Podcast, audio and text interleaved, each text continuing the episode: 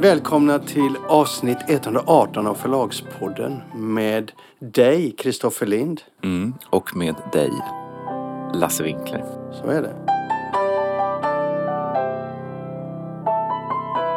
Vi spelar in den här dagen efter att eh, årets Nobelpris i litteratur eh, redovisades, eller blev offentligt kan man väl säga. Mm. Och eh, tidningarna är fulla av artiklar och vi såg också den eh, tv-sändningen. Tidningarna, tidningarna är fulla av artiklar men som eh, Anina Raber roligt skrev på Facebook. Nu googlas det flitigt på landets kulturredaktioner. Ja, du har, eh, det gör det hos alla utom Göteborgs-Posten som har en extremt välinitierad och intressant artikel av Mikaela Lundahl Hero som har forskat på Zanzibar. Mycket väl inläst på, på författaren. Du och jag har ju inte så mycket att tillföra nu när detta sänds. Eftersom, när, när folk lyssnar på oss, eftersom det är så långt efter och allting har blivit liksom kört i media och i, i, i, i olika slag. Men något kan vi väl tillföra. Priset gick i år till eh, författaren Abdulrazak Gurna som är född och uppvuxen på ön Zanzibar utanför Tanzania. Men som har tillbringat sitt liv från 20-årsåldern uppåt i Storbritannien. Mm. Det, är, det är fakta då. Men eh, du som är yngst, du får börja. Nej men som du säger, det finns inte så mycket för oss att tillföra men en, eh, en, en förlagspoddsreflektion är ju att priset då idag går till, återigen till ett väldigt litet förlag. Och det där är någonting som jag har sagt tidigare att i framtiden så tror jag att Nobelprisen nästan uteslutande kommer att finnas om, i den mån som de överhuvudtaget är översatta till svenska kommer att vara på, utgivna på väldigt små förlag. Det kommer vara förlag som Ersatz och eh, Elisabeth Grate och mm, Och som i det här fallet då eh, Selanders förlag. Vilket gläder mig oerhört eftersom eh, Henrik Selander eh, har ju slitit som ett djur i många år med sitt förlag och gett ut en mängd intressanta författare. Författare som alltid har, har uppfattats som liggande i marginalen i, i, i det litterära samtalet. Och sen, så, sen kommer det väl säkert också bli mycket mer vanligt att vi får se. Det har ju varit, akademin har ju varit väldigt kritiserad för den europeiska koncentrationen och att det varit för få kvinnor och så här. Så man kom, det kommer vi säkert också se. Att det blir allt fler eh, pris som ges till, personer som har annan bakgrund. Mm. Ja, det, det var ju det stora samtalsämnet innan eh, priset eh, igår. De flesta har fokuserat på just det. Att, att eh, varför får vi inte se författarskap utanför den eh, västerländska litteraturkretsen så att säga. Mm. Sen kan man ju, det är ju sen, naturligtvis också komplicerat när man, när man tar Afrika då som är Exempelvis så Doris Lessing är ju faktiskt född och som jag uppfattar uppvuxen i eh, Rhodesia, dagens Zimbabwe. Och här har vi någon som är född och uppvuxen på Zanzibar men som hela sitt vuxna professionella liv har varit verksam i Storbritannien och skriver på engelska. Det är ju väldigt komplicerat det här. Vem, vad är man och vem är man? Och det är samma sak med Naipaul som ju också är uppvuxen i Storbritannien. Ja, Men så, så är det med många författarskap och jag, det får mig att tänka på en sak. Eh, det var en bra övergång förresten. 2005 så, så fick jag Dan Israel och Horace Engdahl att sätta sig ner och diskutera de här frågorna efter att Harold Pinter hade fått året, det årets Nobelpris. Och Dan Israel, numera han pensionär, han har mångårig erfarenhet, praktisk erfarenhet att ge ut författarskap som inte tillhör den västerländska eh, litteraturkretsen. Och det gjorde han väldigt mycket i eh, framförallt eh, sitt eget förlag eh, Leopard. Mm. Och just det här året var han väldigt eh, irriterad och då fick jag eh, Horace Engdahl med på att sätta sig ner och diskutera de här frågorna. Och det, det här samtalet gick i Svensk Bokhandel. Jag ska bara läsa kort ett första meningsutbyte. Och då säger Dan Israel så här. Vad är din förklaring till det val som gjorts? Det är en arabisktalande författare som fått Nobelpriset sedan 1950 och det är Najib Mahfouz. Du har tre stycken inom hela den östasiatiska kulturkretsen varav två japaner och en kines bosatt i Paris.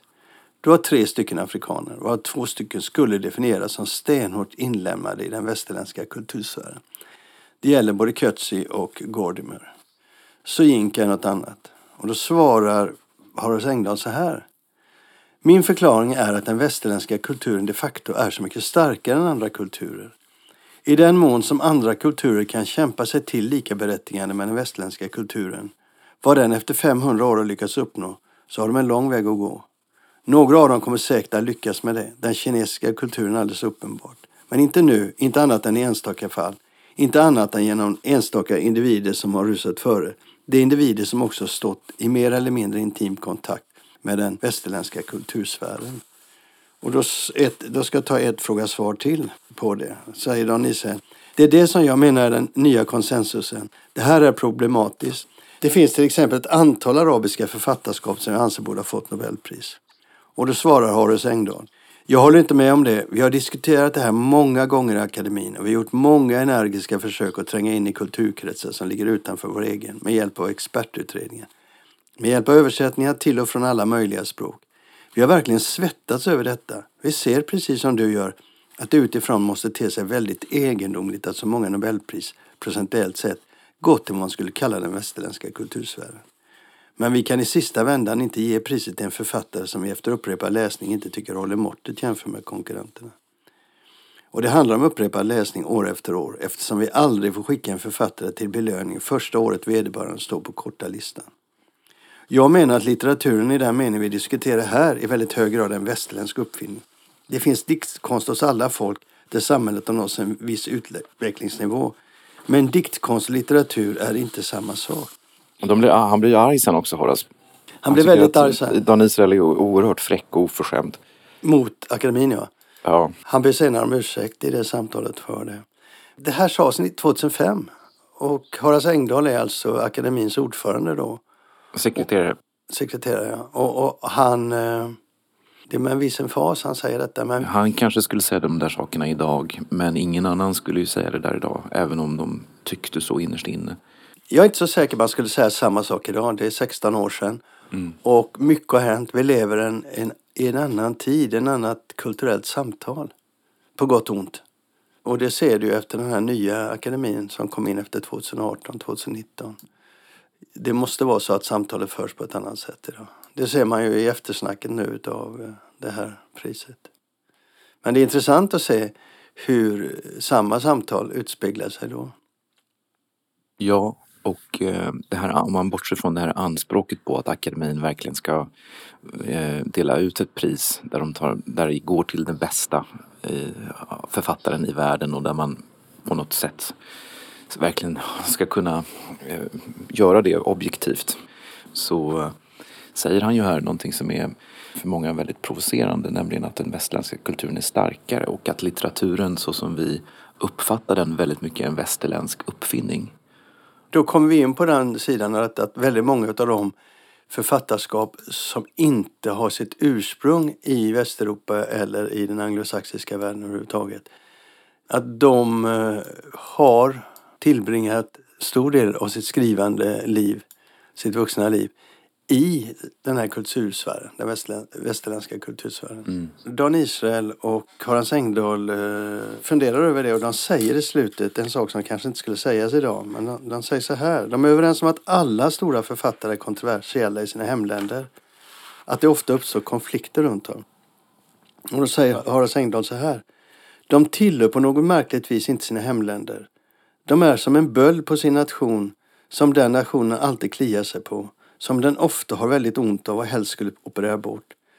De mest fientliga reaktionerna på ett Nobelpris kommer alltid från författarens hemland. Nationerna kan inte leva i fred med sina största författare, det går inte. Det kanske de inte heller ska göra. Då säger Dan Israel, det kanske är författarens uppgift. Och då svarar Horace Engdahl slutgiltigt då.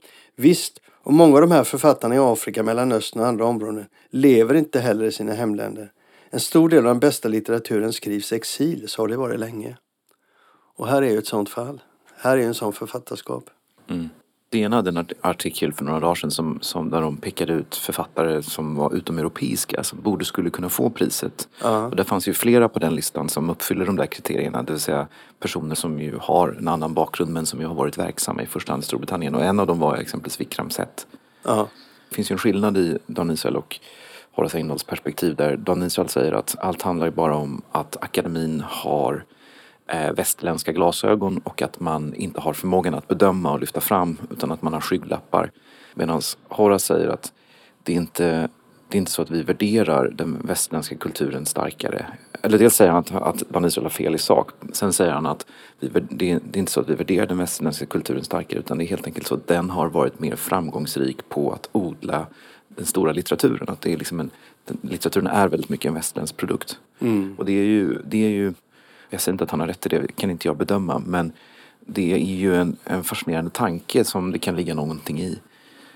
Jag vet inte heller det här anspråket på att priset ska ha en representativitet och att det ska liksom vara ett världspris. Jag vet inte om, om akademin hade de, om eh, de anspråken initialt, även om det står kanske i testamentet. Ja. För det är ju, idag handlar det väldigt mycket om, om legitimitet. Att liksom priset, om inte priset uppfattas som, alltså för att priset ska ha den status och ställning som det har så får det inte uppfattas som att det är ett liksom begränsat pris. Ett pris som går till, till eh, en liten krets av personer som, som, som uppfyller vissa kriterier. Utan det, det måste ha en annan, men jag, jag vet inte om de där anspråken, anspråken är nämligen orimliga. Även om eh, priset eh, får en bättre representativitet så att säga så blir det ju hur man än vrider och vänder på det ett subjektivt pris. För varje person som får Nobelpriset så finns det 20 lika bra författare som också skulle kunna ha fått Nobelpriset eller ännu fler.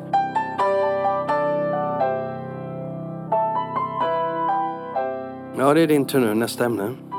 Jo, vi har ju pratat en hel del om Norge och där har det skett en affär och det är det danska förlaget Politiken som gått in och köpt Norges fjärde största förlag, Kagge. Femte såg jag. Femte största. Femte största blir det, precis. Ja. Vad tänkte du om det då?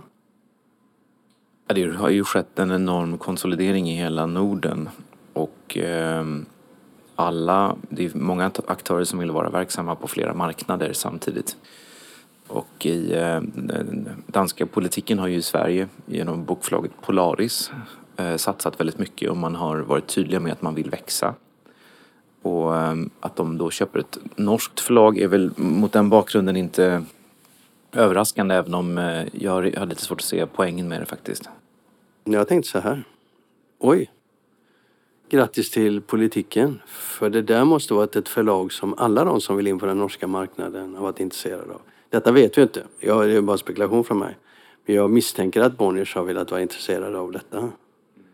Och jag misstänker att Storytel hade varit intresserade av detta. De saknar ju förlag i Norge. Men det som intresserar mig är inte så mycket det, utan det som intresserar mig är att jag tror att Kagge medvetet har valt en aktör som inte redan finns på den norska marknaden för att han vill...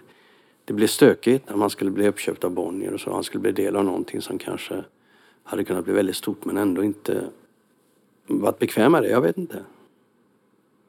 Nej, men så, så tror jag också att han har tänkt. Att eh, det här blir liksom på ett sätt nästan som en, att det oberoende som Kagge har haft, det fortsätter eftersom de ägs av en visserligen väldigt stor och väldigt rik aktör, medieaktör, men som inte finns i Norge.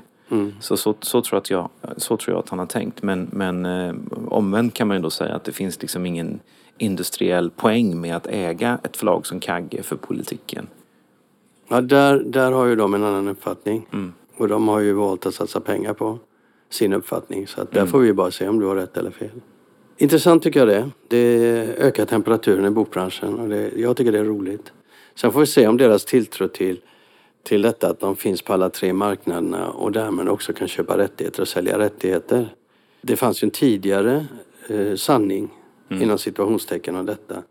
Det var att det var inte möjligt. Alla, alla marknader är unika.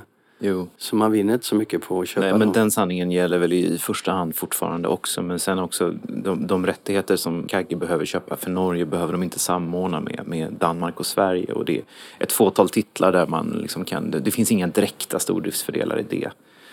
Nej men vad det, det finns är ju, är ju att de kan ha en gemensam agentur som kan bli rätt stark. Som säljer ut. Det är ju förlagsagentur, det vet vi ju, det är liksom den mest värdelösa uppfinningen som finns.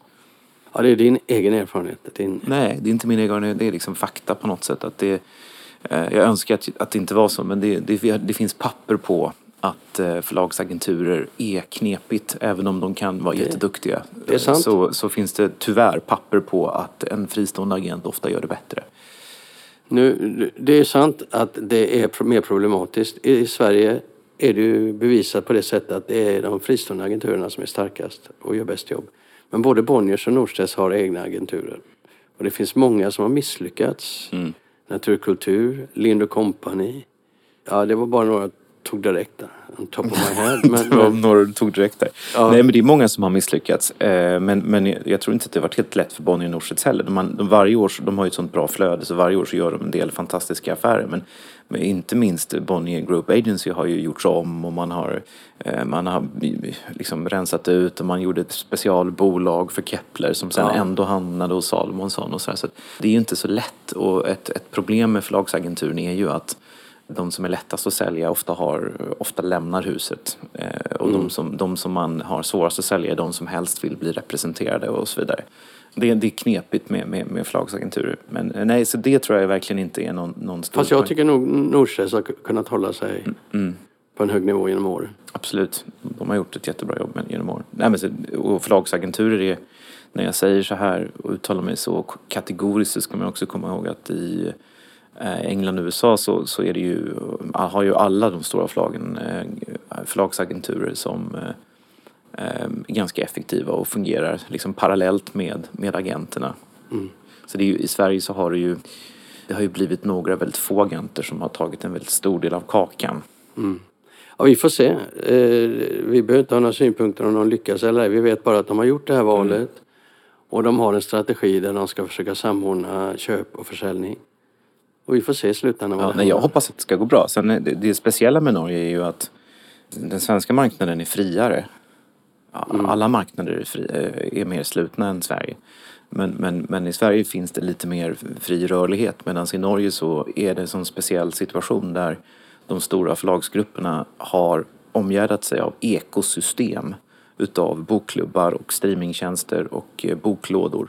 Och det gör att det är liksom en... Och logistik. eh, Och logistik, distribution. Och det gör att det liksom, jag menar, Gyllendal omsätter 1,7 miljarder totalt varav typ 700 miljoner kommer från bokförsäljningen och det är något liknande med Kapellen Damm. Och de släpper liksom inte in konkurrenter och där har ju Kagge varit ett, liksom ett unikum och ett litet mirakel. Han har liksom lyckats att eh, år efter år göra väldigt bra resultat i detta, eh, detta speciella land. Det eh, kommer bli svårare att göra från Danmark. Mm.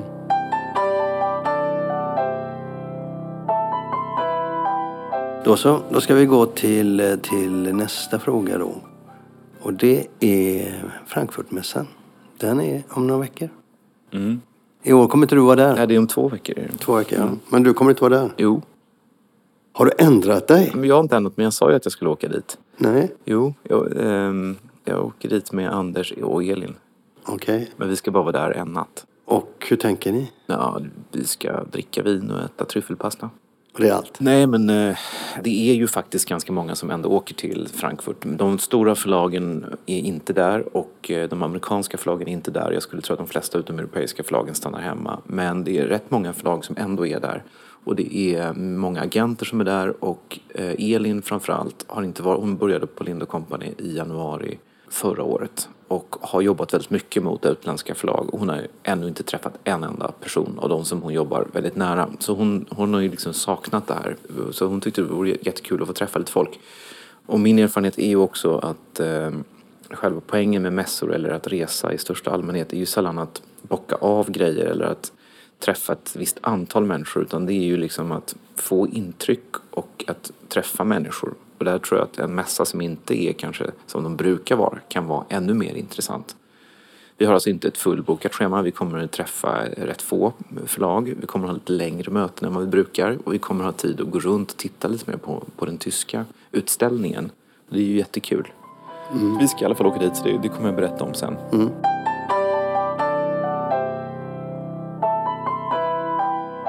Ja, ibland får man höra historier som man tänker, det där är en rövarhistoria, den skulle jag vilja andra få höra. En sån historia är den här berättelsen som Simon Bowers nu kommer att berätta.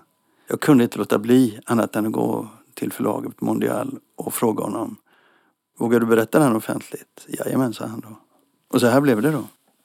Jo men det började med att jag var nere på NK Bokhandel och skulle köpa en bok till en kompis som fyllde 40. Jag pratade med Karolina i kassan. Det slutade med att jag köpte en ganska dyr fotobok och då berättade hon att Rickard Julin har varit inne i, eh, i deras butik häromdagen och eh, signerat den enda extra boken han hade kvar som låg kvar i bokhandeln och då sa han också att han hade ambitionen att göra liksom, den största boken han någonsin hade gjort. En bok som summerade hela hans karriär. Han är ju liksom världsmästare i champagne i 17 år i rad. Sånt där helt osannolikt mycket.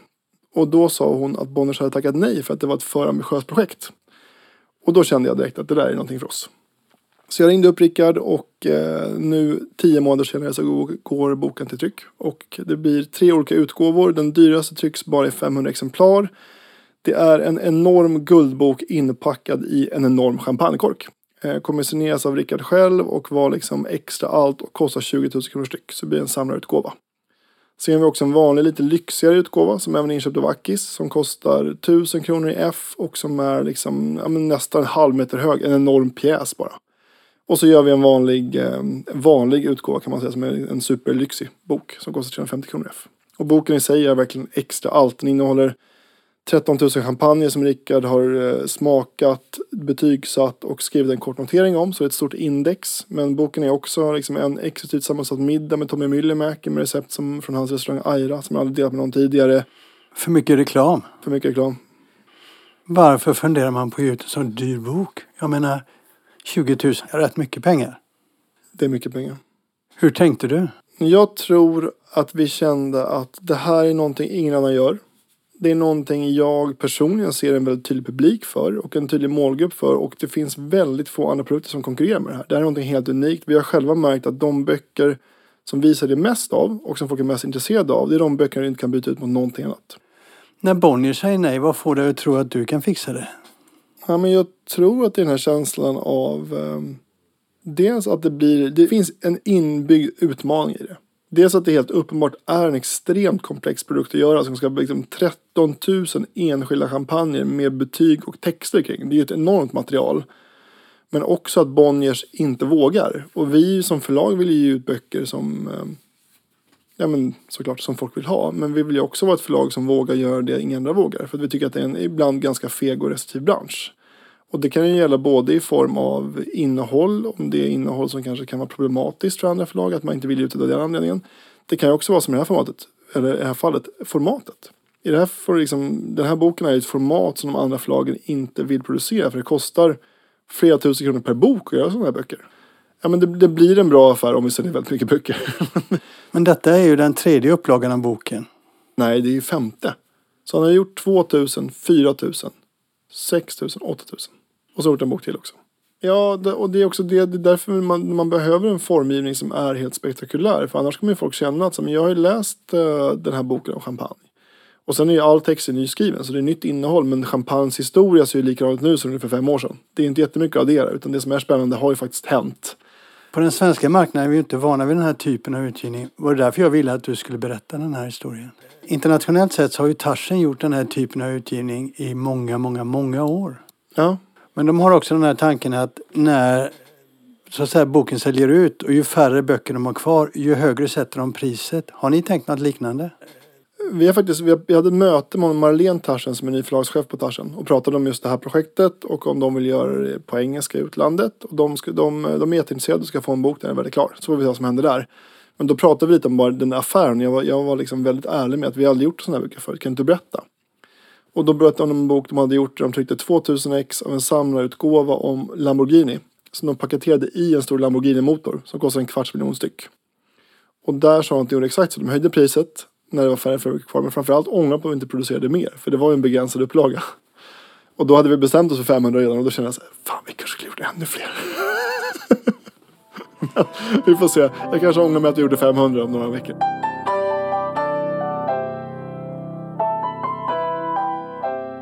Du, jag hade en liten fråga till från, eh, från en lyssnare som undrade hur man hittar eh, våra avsnitt. Hon eh, i fråga har bara hittat 16 avsnitt när hon tittar, eh, går in på, på till exempel Apple Podcast och Poddtoppen. Men om man går in på till exempel Apple Podcast eh, och trycker på Förlagspodden så kommer det, visst det kommer 16 eller 12 avsnitt. Men trycker man på bilden då så kommer man in på en undersida och där finns det 42 eller 49 avsnitt. Vi har lite olika du och jag där. Mm. Men om man går längst ner där och tittar så har man en hänvisning till våran webbsida. Och trycker man då på den länken där, Förlagspodden, då ligger alla våra avsnitt där på vår webbsida. Så, så enkelt är det om man eh, av någon anledning har tid över att lyssna på äldre avsnitt av Förlagspodden.